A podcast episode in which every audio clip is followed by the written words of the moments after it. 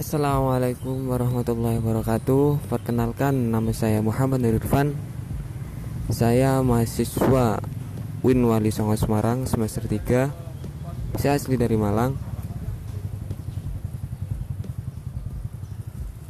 Saya mahasiswa dari Fakultas Usuluddin dan Humaniora Tepatnya pada jurusan tasawuf dan psikoterapi.